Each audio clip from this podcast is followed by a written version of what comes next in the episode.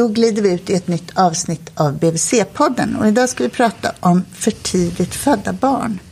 Hur är det att få ett barn alldeles för tidigt som förälder och vilket stöd vill man ha från BVC? Jag heter Malin Bergström och jag är barnhälsovårdspsykolog och idag träffar jag Karl Rombo. Och jag är eh, först och främst förälder till en flicka som föddes eh, i vecka 24 plus 5, 2010. Och det var någonting som förändrade mitt liv eh, helt och fortfarande gör det på ett sätt. Det ledde bland annat till att jag var med och grundade Svenska Prematurförbundet 2013 som är ett riksförbund för de för tidigt födda barnen. Kan man säga. Och där har jag varit ordförande eh, i stort sett sedan dess. kan man säga. Sen på fritiden om man säger så är jag också läkarstudent på Karolinska institutet i slutet av min utbildning. Du är så välkommen Kalle. Du, kan du inte börja med att berätta vad det var som hände? Sa du att det var 2010? Ja, precis. Ehm, vi eh, fick en son 2007 i en helt okomplicerad graviditet och förlossning kan man säga. Och eh, vi tyckte nog att det här med att föda barn, det var vi rätt bra på. kan man säga. Så att vårt barn var beräknat till min födelsedag, 12 april 2011. Och vi tänkte väl att ja, det här är någonting vi börja fundera på i februari och kanske förnya någon profylaxkurs eller sådär. Men den andra graviditeten blev inte riktigt som den första. Eh, min fru var mycket tröttare och hon sov väldigt mycket. Hon hade mycket tidiga sammandragningar och så vidare. Och när vi skulle åka på en julsemester till Kanarieöarna så tänkte vi att vi skulle åka till mödravården och ändå kolla upp lite innan vi satte oss på flyget. Men vi fick grönt ljus därifrån. Att det var nog så bara att min eh, hustru skulle eh, liksom stressa ner lite. Och det, det var i och för sig säkert sant också. Hon jobbade mycket. Men eh, vi åkte iväg till Kanarieöarna och de där sammandragningarna de försvann inte. Så att på vägen hem på flyget så eh, hade hon svårt att sitta. Och strax efter att vi kom hem så fick hon en eh, liten blödning och då åkte vi in till Södersjukhuset. Och det vi nog inte förstod då, uh, varken jag, min fru eller uh, vår son, det var väl att vi som familj egentligen inte skulle komma tillbaka till det där huset allihopa samtidigt. Eh, förrän eh, mer än fyra månader senare. Oj, så hela den tiden som skulle varit en graviditet med vanliga förberedelser blev istället en sjukhustid med en väldigt, väldigt liten bebis? Ja, precis. Vi fick vårda en liten skör patient under den tiden och kombinera det med ett barn hemma som också behövde uppmärksamhet. Eh, hur såg vården ut då? För jag har förstått att, att neovården har förändrats under de senaste åren. Hur såg det ut då 2010? Jo, var det självklart att man liksom bodde där? Den har säkert förändrats, den har ju förändrats sedan dess också egentligen sedan 2010 och idag är det ju ännu vanligare att man arbetar familjecentrerat och Eh, det är egentligen så här, jag brukar säga, jag vet inte hur pass vetenskapligt det är, men de två stora sakerna som har hänt inom neovården de sista 20 åren, det är väl att, ja, det var lite innan, men så kom ju surfaktant som är den här eh, medlet som gör att man kan expandera lungan som för tidigt född mycket tidigare och då plötsligt kunde man rädda mycket yngre barn. Och då, det bildade en helt ny patientgrupp av barn som plötsligt var födda i vecka 24, eh, till skillnad då från vecka 26-28. Det vill säga din dotter? Det vill säga min dotter, precis. Och det var väl någonstans runt 80-talet. Men sen, det, det, som man sen började med, det var ju att använda familjen som ett stöd för eh, barnets eh, liksom vård och utveckling. Och framförallt genom hudnära vård. Och eh, det har ju inneburit, liksom, har fantastiska egentligen eh, resultat i att barnen kommer hem tidigare och drabbas av mindre infektioner och så vidare. Eh, men man ska inte glömma bort nu i Sverige när det är så många familjer som bor där, det är inte längre valfritt att bo med sitt barn på sjukhus, utan det förväntas av varje familj. Och där har ju såklart olika familjer olika resurser att klara av det. Hur var det för er som hade en liten treåring? Um, ja, det var ju så att vi, på den tiden så när vi låg på KS, då fanns det inte så mycket sådana familjerum, så att vi satt i en fåtölj vid kuvösen dagtid och sen så åkte någon av oss hem eh, kvällstid. Eh, och ta hand om vår son. Så att vi, det var som ett jobb helt enkelt som vi åkte till och satt hud mot hud med vår dotter så mycket som möjligt. Um, och sen satt någon av er kvar på nätterna? Ja, oftast var det så. Mm. Precis. Eh, det var svårt att lämna uh, sitt barn där. Det som är lite intressant är att det blir ju svårare och svårare att lämna sitt barn ju mer man liksom knyter an till sitt barn och tar det ansvaret. Från början tror jag inte riktigt att vi förstod att vi hade blivit föräldrar. Mm. Eh, Hur var det att liksom ha ett barn som var så pyttelite? Hur mycket vägde hon? Hon vägde 735 gram och hon var 31 centimeter lång. Eh, och eh, jag vet att jag, när hon höll på att komma, då ringde min fru och grät från sjukhuset och sa nu är hon på väg, du måste komma hit. Och jag kom precis, han har ett snabbt, ett snabbt samtal med en neonatolog som fanns på sjukhuset. Och han sa att det här barnet kommer vara väldigt litet, väldigt tyst och väldigt sjukt. Och när jag frågade över chansen för överlevnad, då sa han det kanske ungefär 60 procent. Men så frågade jag någonting som jag efteråt har förstått att väldigt många föräldrar just undrar över det. Vad är, vad är chansen att få, eller vad är, snarare, vad är risken för att få ett barn med en funktionsnedsättning? Och då sa han att ja, kanske 75 procent av de här barnen får ändå med sig någonting från den här resan. Det är 25 procent som klarar sig. Och för oss då, som är liksom ett ungt svenskt, eh, ja, kanske lite så här bortskämt par jag väl tänkt på sen dess och skäms lite över, så var de här, de, de siffrorna var alldeles för dåliga. Jag var ju van i att räkna liksom, eh, risker i så här en på miljonen. Ska vi åka Ryanair eller något annat flygbolag, det kanske man inte får säga en podd, olika företagsnamn, men, men till Kanarieöarna. Så att jag sa till honom då att är det så att ni står inför ett läge där ni inte vet om ni kan rädda henne utan en funktionsnedsättning, då vill vi att ni låter henne gå. Liksom. Mm -hmm. För då tänkte du att, att det skulle påverka er så mycket negativt och kanske hennes livskvalitet skulle bli Ja, påverka hela familjen och det barn vi också hade hemma. Och någonstans kändes det som en skräckupplevelse att jag liksom bara vill åka hem. Ja, du bara tänkte att det här kommer inte Det här har bara gått helt, åt, det här, det här har gått helt fel. Liksom. Och det men, var någonting som... ändrades det där då? För jag antar att det Ja, det tog, ja men exakt, och det tog ett tag. Alltså just på, i det akuta skedet så handlade det väldigt mycket om det.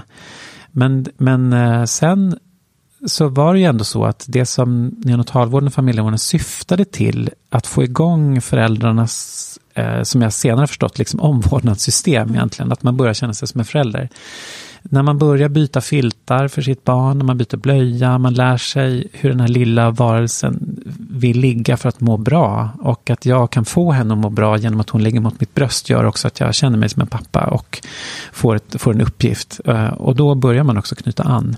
Mm. Liksom, på något sätt. Men, men det, det, det var det jag tänkte komma till, att ju mer man får de känslorna för sitt barn, desto svårare blir det också att ha ett sjukt barn såklart. Alltså man kan inte hålla den distansen längre.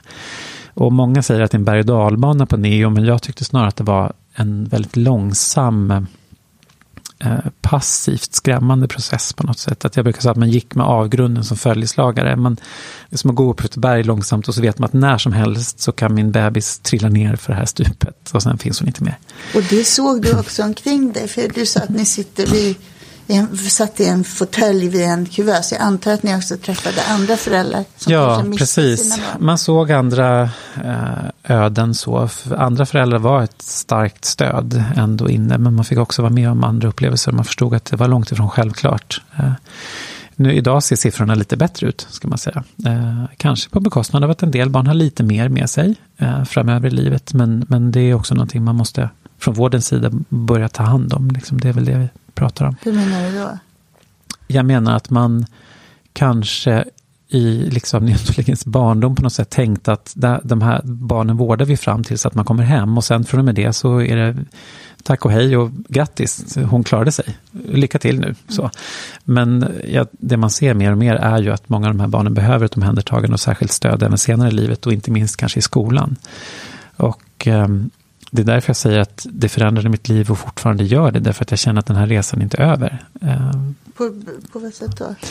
Jag börjar mer och mer tänka på det här som en kronisk diagnos. Mm. Som att man, man får ett barn som, som har någonting med sig från födseln. Vare sig det är ett syndrom eller en syrebrist eller vad det nu är. Men, men eh, prematuritet växer inte alltid bort. Hur är det med din dotter? Idag är hon en jättefantastisk nioåring som, som, eh, som jag älskar otroligt mycket såklart. Och är tacksam för att hon räddades och, och allt det. Supersmart och duktig. Hon har en högersidig eh, CP-skada faktiskt, eh, som är väldigt mild. Um, men det är ju ingenting som på något sätt jag bryr mig om idag. Vi tränar henne. Däremot kan man säga att nu är hon nio, så att nu börjar hon själv förstå att hon har en CP-skada. Hon går också igenom en en psykologisk, liksom lite, ja, lite kris kanske. På något sätt. Eh, att inte kunna åka rullskridskor lite som, riktigt som alla andra och så vidare. Mm. Men man ser det nästan inte, man måste vara väldigt medveten för att förstå. Mm. Men jag tror att det, um, det som är tungt där på sjukhuset, det är just det där med avgrunden. att man har väldigt kort tidshorisont. Jag tror att vi levde minut för minut liksom den första veckan och sen kanske timme för timme de kommande veckorna. Och det tar sån tid innan man vågar lita på att ens barn faktiskt ska överleva dagen. Så att säga. Och det, är, det, det är det framförallt gör att man blir otroligt trött. Mm. Så du, du beskriver ju först en fullkomlig chock och hela livet ställs om och sen samtidigt på något sätt en ökad känslomässig press när oron för lilla barnet eh, blir liksom akut och påtaglig därför att då har du börjat lära känna henne. Ja, det gör ju att man, man kan ju inte använda sig av den här coping-mekanismen som en del andra patienter kan göra, att man så att säga trycker undan eh, sin rädsla eller liksom eh, biter ihop och bara kör vidare. Därför att man har ett barn att ta hand om hela tiden och det är ju barnet som är själva triggern för det. Och det gör att man måste vara närvarande på ett annat sätt. Mm. Så att man kan inte ha den distansen. Så på det sättt så påminns man ju hela tiden. Hur, hur fortsätter den där processen sen då? Jag, jag brukar säga ibland att jag brinner för att föräldrar, man ska hitta den punkten för varje individ när man är så hudlös som man orkar vara för att vara närvarande med sitt barn.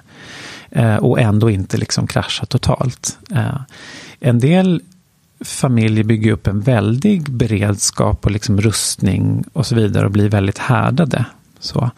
Men det jag tror att man kan ana, det är ju att interaktionen med det i den familjen också går ner. Alltså att barnet kanske inte får den stimulans som man behöver om familjen inte mår helt bra.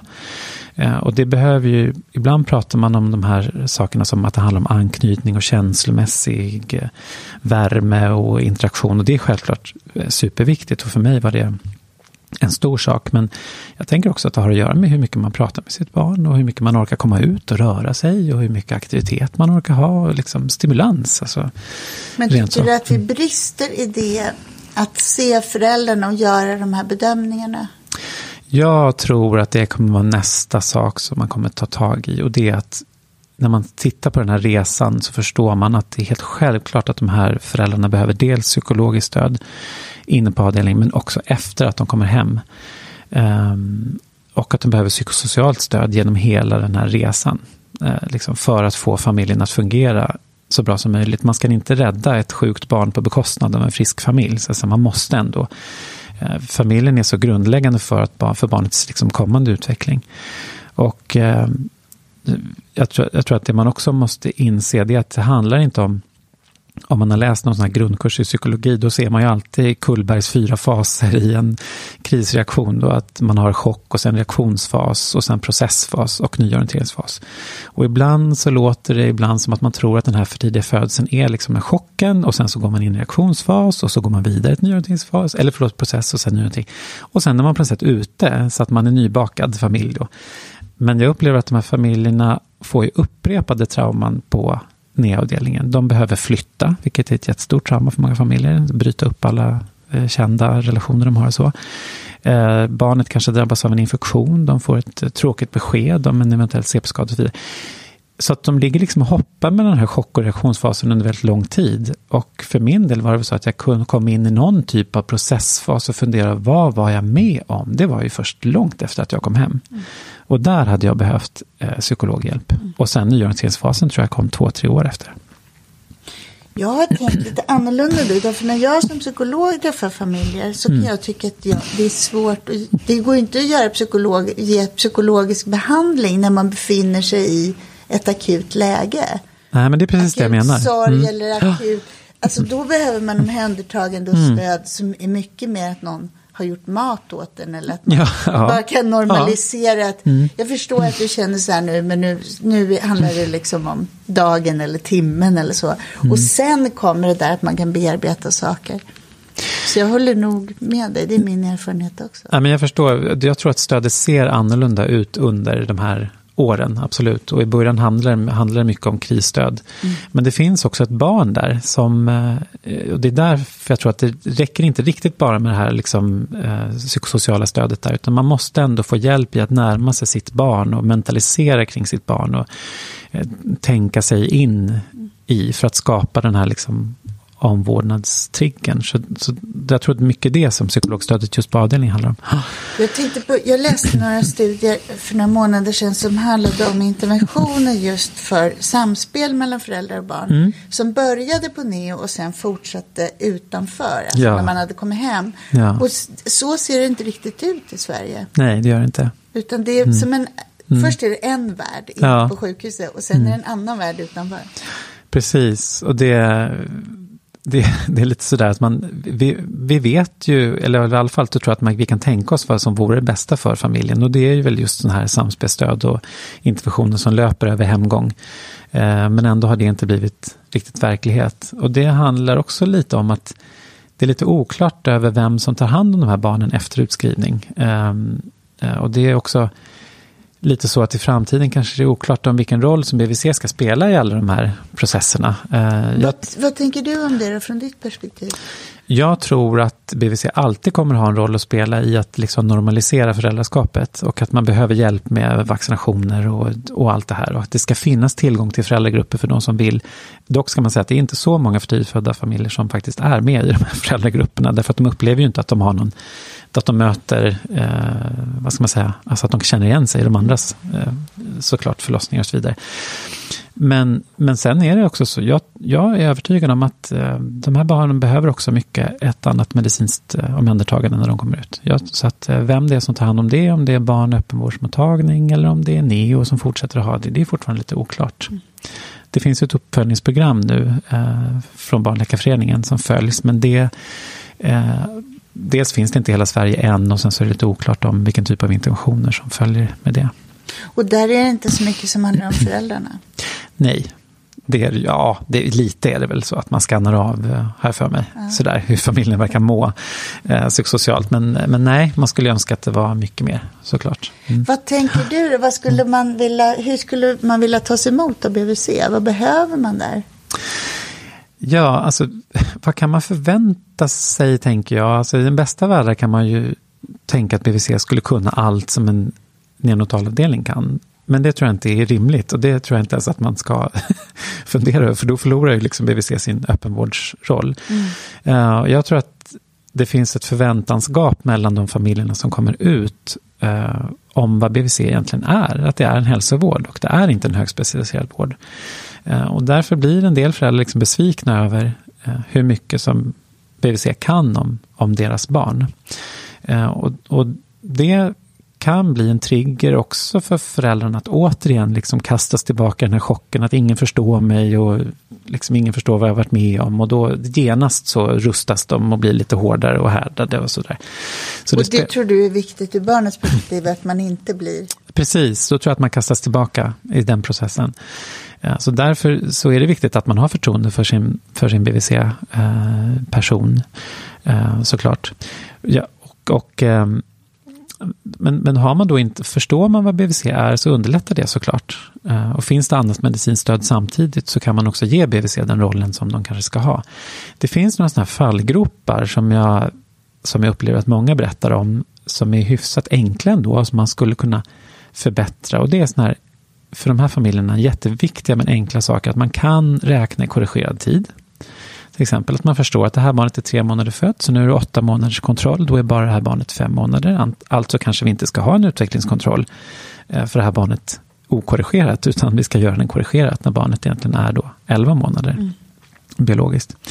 Eh, och det är också, så räknar man ju olika, att vaccinationerna utgår ju eh, ifrån den okorrigerade tiden när barnet lämnade Eh, magen, så att säga.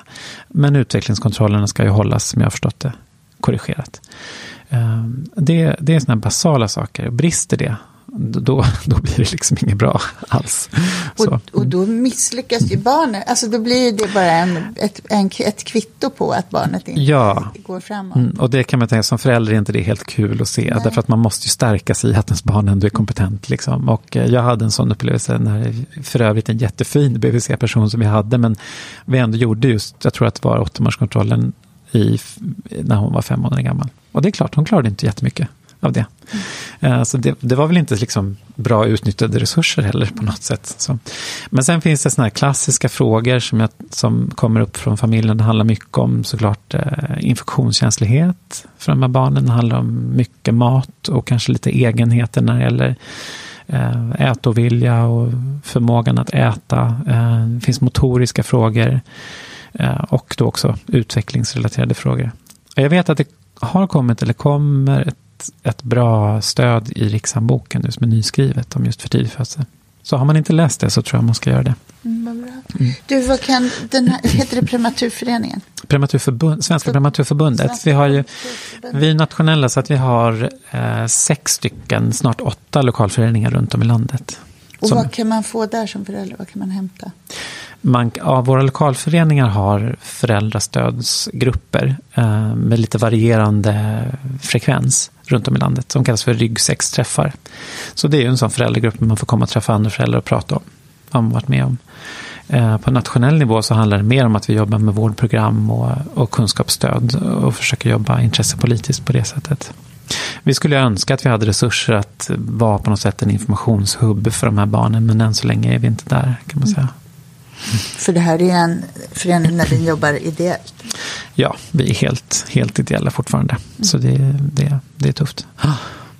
Du, jag menar, nu radade du upp lite så här hur du tänker kring barnet. Men jag vill nypa mig kvar vid det här behovet av stöd för, som förälder också. För jag tycker det du beskrev, den alltså processen den här våren när ni bodde på sjukhuset istället mm. för att jobba. Mm. Mm. Hur, alltså hur mådde ni när, ni när hon kom hem, när ni kom hem med lilla flicka?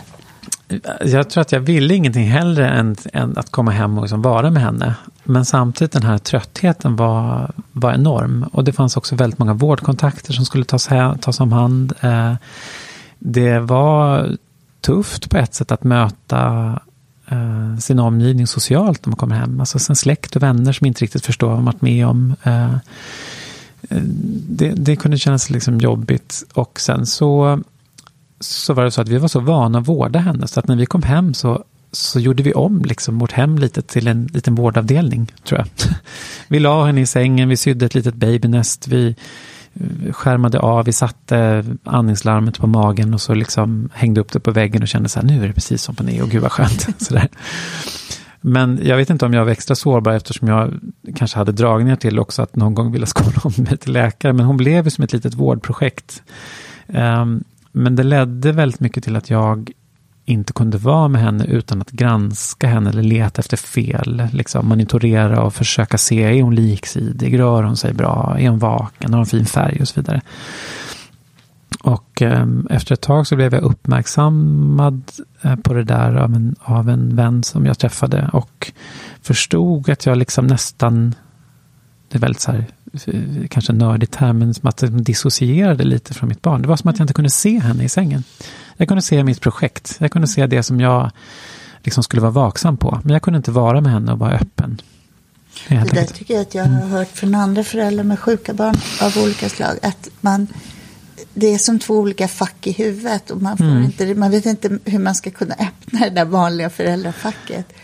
Och en hel del föräldrar mm. säger också på BVC att de att det finns någonting i det där normala som också är skönt. Att det, ja, man kan vilja prata om sina erfarenheter och det man har gått igenom. Men man kan också vilja möta någon som tar en som en, vilken förälder som helst och eh, barnet som vilket barn som helst. Det är liksom dubbelt det där. Verkligen, och för, för, att få den, för att ge den relationen en chans så tror jag också att det måste finnas en bra medicinsk uppföljning för mm. barnet också.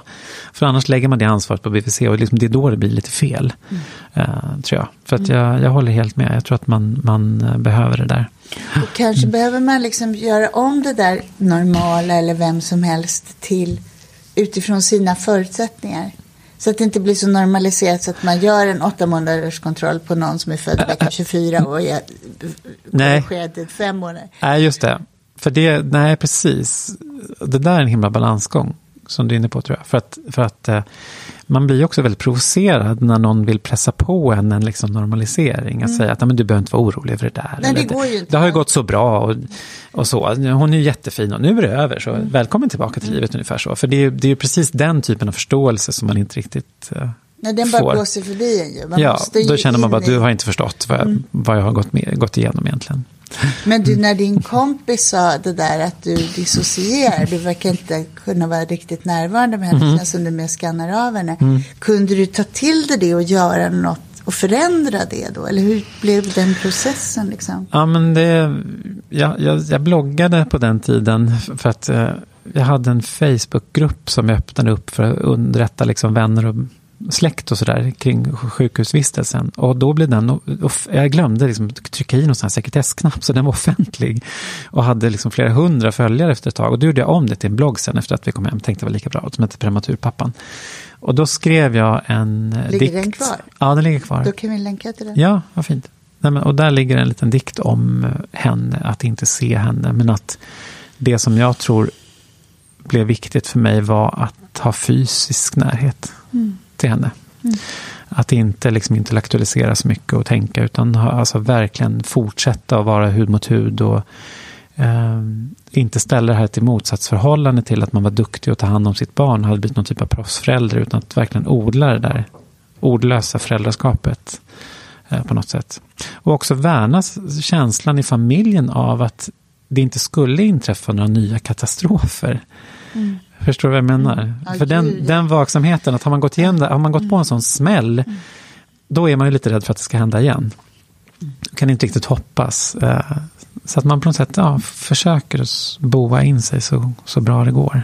Och den vaksamheten kan ju sitta i. Precis, det, det är nog det jag tänker när jag tänker så här, nyorienteringsfas, säg två, tre år. Jag tror att det är den vaksamheten som började släppa då. Men ärligt talat så ska jag säga att, som vi sa i början, att den, den finns ju kvar. För jag förstår ju att det kommer saker. Och det kommer också, vilket är jättetufft när man ska jobba ideellt och läser saker och studier, att det kommer ju mer och mer om barnen i vuxen ålder. Och det jag förstår att det liksom inte är över. På något sätt. Men det är inte alla som har den, eh, inte vanliga fullgångna barn råkar ut för massa olika saker och ord. Jag menar, så att det är väl aldrig över i och för sig för någon förälder. Men, mm. Du, du sa någonting så här, det är ordlösa föräldraskapet att ha henne så där hud mot hud. Mm. När, innan du sa det, när du sa det där hur du hade henne liksom rent fysiskt så tänkte jag snarare på att det är då det kommer det där att man sjunger eller att man jag tänker inte alls det där ordlösa i det utan att Jaha, att man pratar ja, och ljudar. Mm. Mm. Jo, men det, precis. Jag tycker det är roligt för att det kommer ju mer och mer eh, musikterapi för, även för för tidigt födda. Och jag, för flera år sedan blev jag kontaktad av en jätteduktig musikterapeut som frågade, kan inte vi få komma in på neo? Och jag tyckte liksom idén verkade helt vansinnig på något sätt. Och jag var inte helt liksom öppen. Men sen pratade jag själv på en konferens om hur jag sjöng för min dotter när hon var, låg på mitt bröst. Därför att innan jag skolade mig till läkare så var jag operasångare. Och eh, jag nynnade ju för henne och jag märkte ju att det finns otroligt mycket att hämta där. Eh, men man får ju anpassa sin sång efter sitt barns liksom, nivå. Man kan inte sjunga liksom, eh, Arior. nej eller liksom Pippi Långstrump för en 24 veckors. Därför att då får de liksom, alltså, blodtrycksfall. så, så man måste vara väldigt, väldigt försiktig och varsam. Men det var rätt fantastiskt att redan då kunde man känna att jag kunde hitta en nivå där hon svarade mig på ett sätt. Alltså hon, hon lyssnade. Det var en väg in till henne, eh, tycker jag. Om jag sjöng för starkt så rörde hon ju på sig och tyckte att det var otrevligt. Eh, Och jag kunde höra att hon blev alert på ett sätt. Så det var ett sätt att liksom lära känna henne var nästan att känna då hur hon rörde sig på Ja. ditt bröst. Så tänker jag. Ja. Att det liksom hur hon andades eller hur hon skruvade på sig. Eller? Precis. Och det är så roligt, för det är ju mitt perspektiv. Men det är väl just det som det handlar om, att tänka sig in i sitt barns värld, liksom, där på bröstet. Så att om det hände hos henne eller inte, det vet ju inte jag egentligen. Jag kan ju bara tänka att jag hoppas att det var så, på något sätt. Fast jag menar den processen Mm. Men det stärkte ju mig, är, ja. är lika för alla. alltså, vilka barn vi än får. Ja. Så vi kommer ju aldrig få något kvitto på, eller det kanske vi får om de säger att de älskar oss när de kan prata så. Men jag menar, vi, det vet vi inte. Utan jag menar att, att vara förälder till en mm. bebis, oavsett om den är prematur eller om mm. den är fullgången, det är ju att gissa sig fram och tycka sig se ja. liksom tecken på att okej, okay, den svarar, den ska haja, nu har vi något här. Ja, precis. Och sen när de börjar prata så blir man besviken och tänker, jaha, var det det du tänkte? du tänkte bara på mat. Jag har en ett och ett halvt-åring hemma nu också, så att jag, ja. Mm. Så att jag ser ju skillnaderna, men jag ser skillnader och likheter i den mm, processen. Men du, det var också så att hon, hennes förmåga att svara er måste ju ha varit otroligt liten. Eh, för nu liksom gjorde jag något svepande så, så där för alla mm. föräldrar. Men mm. det, det, måste ju krävts någon otrolig beredskap att vänta och något tålamod. För ni kan ju inte ha fått mycket gensvar av henne. Det måste ha tagit väldigt lång tid. Nej, precis. Det är väl det som är, och där är inte jag någon specialist, men det är väl precis det som man pratar om när det gäller de här interventionsprogrammen. Att lära föräldrarna att bli, bli responsiva på, på sitt barns signaler. Och de signalerar ju inte riktigt som andra barn, utan man måste ju vara vaksam och förstå eh, de olika liksom, reflexerna och, och eh, färgskiftningar och tonus och så vidare. Så därför att de pratar ju jättemycket och visar ju verkligen hur de mår. Men, men eh, som vanlig, om man säger, fullgången förälder så kanske man inte blir uppmärksam på de signalerna på det sättet. Det kanske inte är intuitivt hos oss att läsa av det heller. Mm, jag tycker att när man fick lära sig det så var det ganska intuitivt. Då förstod jag. Liksom. Men, eh, men jag kan säga att det var ingenting som jag insåg med mitt första barn, att det var det jag skulle gå på. Så att jag tror att man behöver ändå ha en viss kunskapsnivå som förälder och kanske som BVC såklart också för att kunna läsa barnen och förstå eh, hur de mår. Du, sen har du alltså fått ett barn till. Ja, exakt. Och ja. hur var det då? Jag tänker på det där du pratade om att man liksom går igång och man är rädd för det värsta. Ja, det är många som återkommer till oss faktiskt och pratar nu är jag gravid igen, hur ska jag göra, ska jag in på specialist MVC och så vidare. Så där. Det finns en mycket rädsla. Och det fanns också hos mig en beredskap av att, ja men just en beredskap, att jag jag köpte inte riktigt det här allt är normalt, du behöver inte vara orolig, utan jag var så här, jo, tills jag får se det själv.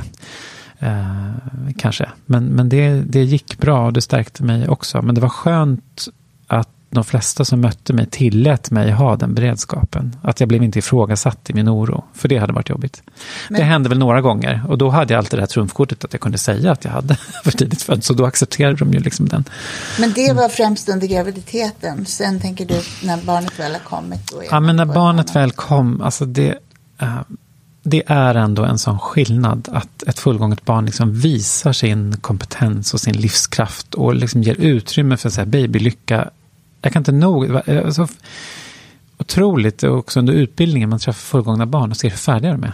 Jag menar, alltså, de är så otroligt färdiga. På något sätt. Det tog flera månader innan hon var ens i närheten av det. Mm.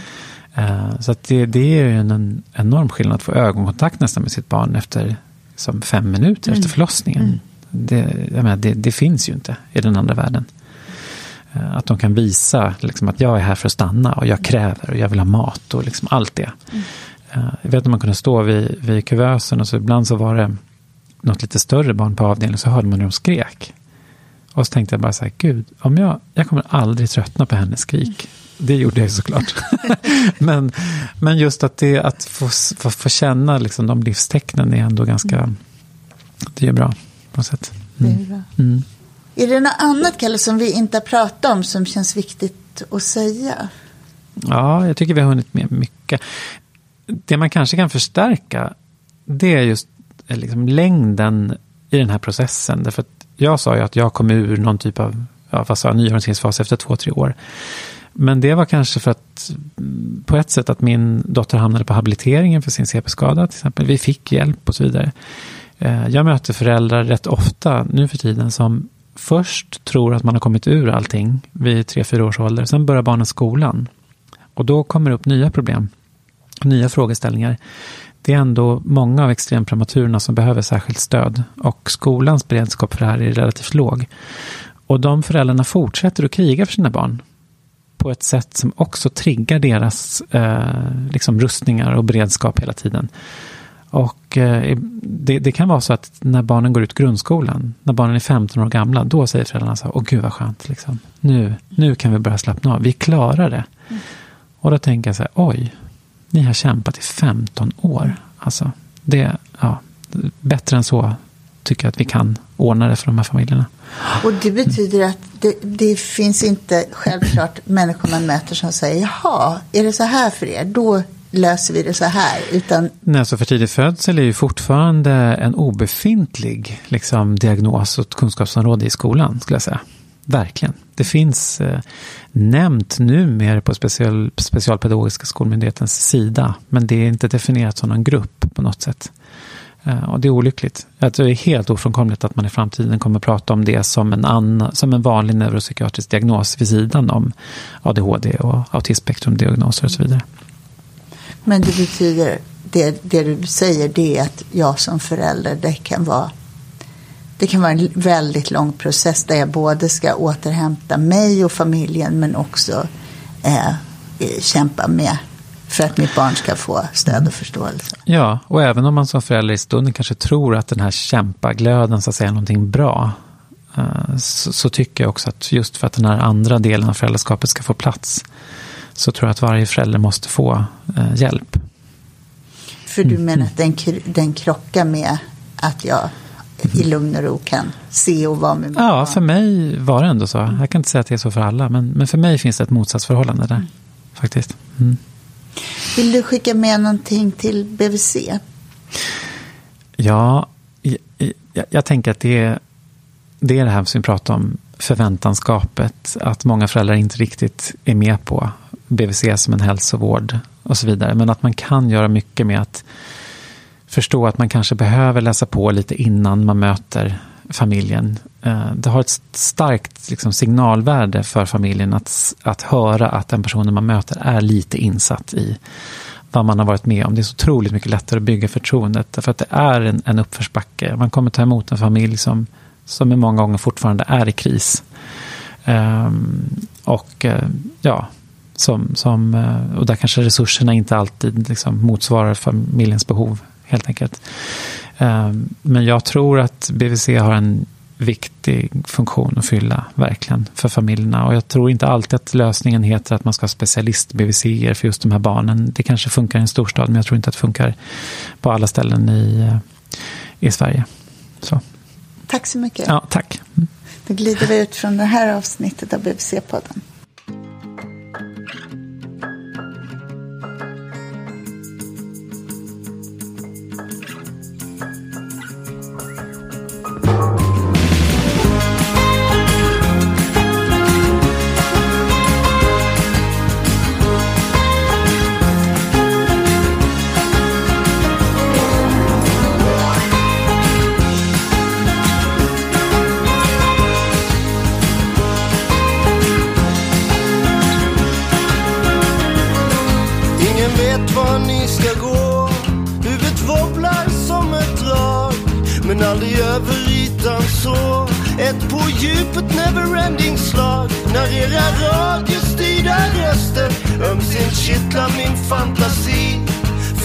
spelas under impulserna för mitt självbedrägeri. När ni skjuter ut er i natten finns det inget av mig kvar. Alla döda ögonskratten, bara vakten minns vem som var. När ni cementerar kvällen är det utan min frenesi. Den somnade eternellen vaknar aldrig mer till liv.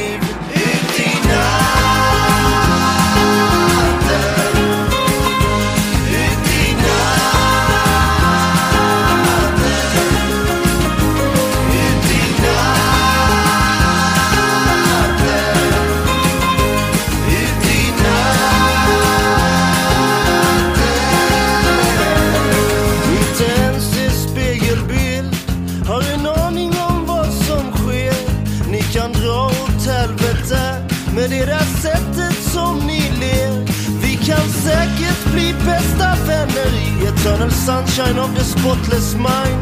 Men inte riktigt när du bara älskar mig Genom rök och vodka lime.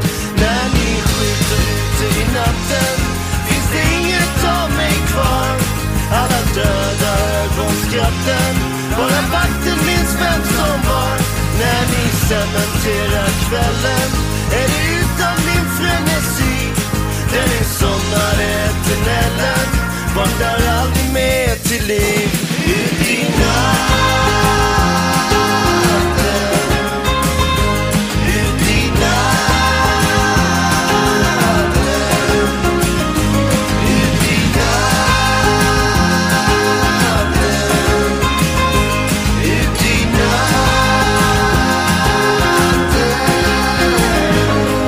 Varje rep som hakats av för oss kan nu hängas runt min hals. Men jag minns varenda kväll förstås och precis ingenting alls.